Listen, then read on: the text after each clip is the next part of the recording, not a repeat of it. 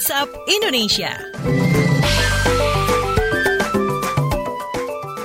Anda masih bergabung bersama kami di KBR Pagi edisi 1 Januari 2021 dan Anda masih bersama saya Reski Mesanto. Sekarang sudah waktunya saya untuk ajak Anda keliling Indonesia mendengar berita-berita dari daerah-daerah di Indonesia tentunya di WhatsApp Indonesia.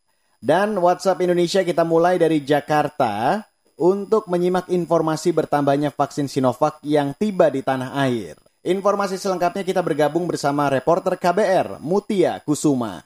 Mutia. Selamat pagi, sebanyak 1,8 juta vaksin COVID-19 Sinovac yang tiba pada akhir tahun 2020 dan menambah jumlah vaksin Sinovac yang tiba di tanah air sehingga total menjadi 3 juta vaksin.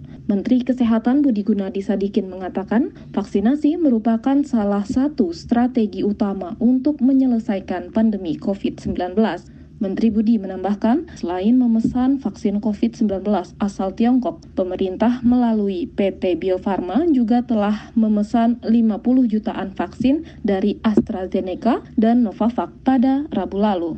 Namun demikian, ia mengingatkan bahwa program vaksinasi ini membutuhkan waktu lebih dari 12 bulan. Oleh karena itu, ia meminta dukungan dari masyarakat agar tetap mematuhi protokol kesehatan COVID-19, yakni menggunakan masker, mencuci tangan dengan sabun dan air mengalir, serta menjaga jarak aman. Demikian saya Mutia Kusuma Wardani melaporkan untuk KBR. Selanjutnya menuju Semarang, Jawa Tengah. Sebanyak 270-an ribu kendaraan masuk Jateng di libur akhir tahun. Informasi selengkapnya kita bergabung bersama kontributor KBR Aninda Putri. Anin.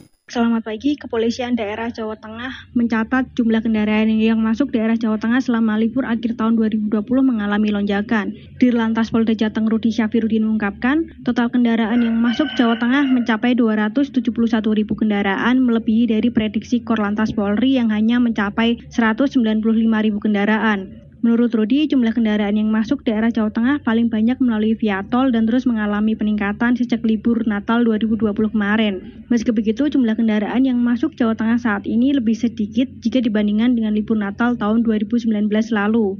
Selain itu, angka kecelakaan lalu lintas Jawa Tengah mengalami penurunan. Ia mengimbau kepada masyarakat yang akan melakukan arus balik untuk tetap mentaati protokol kesehatan dan berhati-hati saat berkendara. Demikian saya Anidia Putri melaporkan untuk KPR dari Semarang. Dan terakhir ke Banyuwangi, Jawa Timur untuk mendengarkan informasi soal penutupan kawasan Taman Wisata Alam Gunung Ijen yang dilaporkan oleh kontributor KBR, Hermawan. Hermawan. Ya, selamat pagi. Balai Konservasi Sumber Daya Alam BKSDA Jawa Timur menutup kawasan Taman Wisata Alam Gunung Ijen yang diberlakukan hingga tanggal 3 Januari 2021 akan datang. Menurut Kepala Seksi Konservasi Wilayah 5 BKSDA Jawa Timur, Timur Purwanto, Penutupan TWA Kawah Ijen itu merupakan upaya mendukung kebijakan pemerintah guna mencegah penyebaran COVID-19 selama masa libur menyambut tahun baru 2021.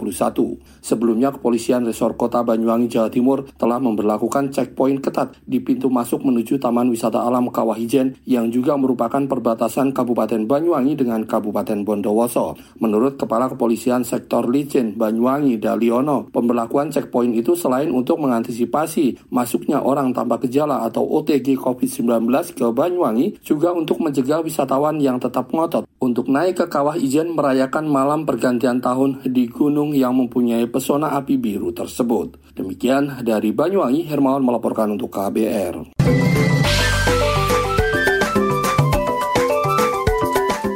WhatsApp Indonesia.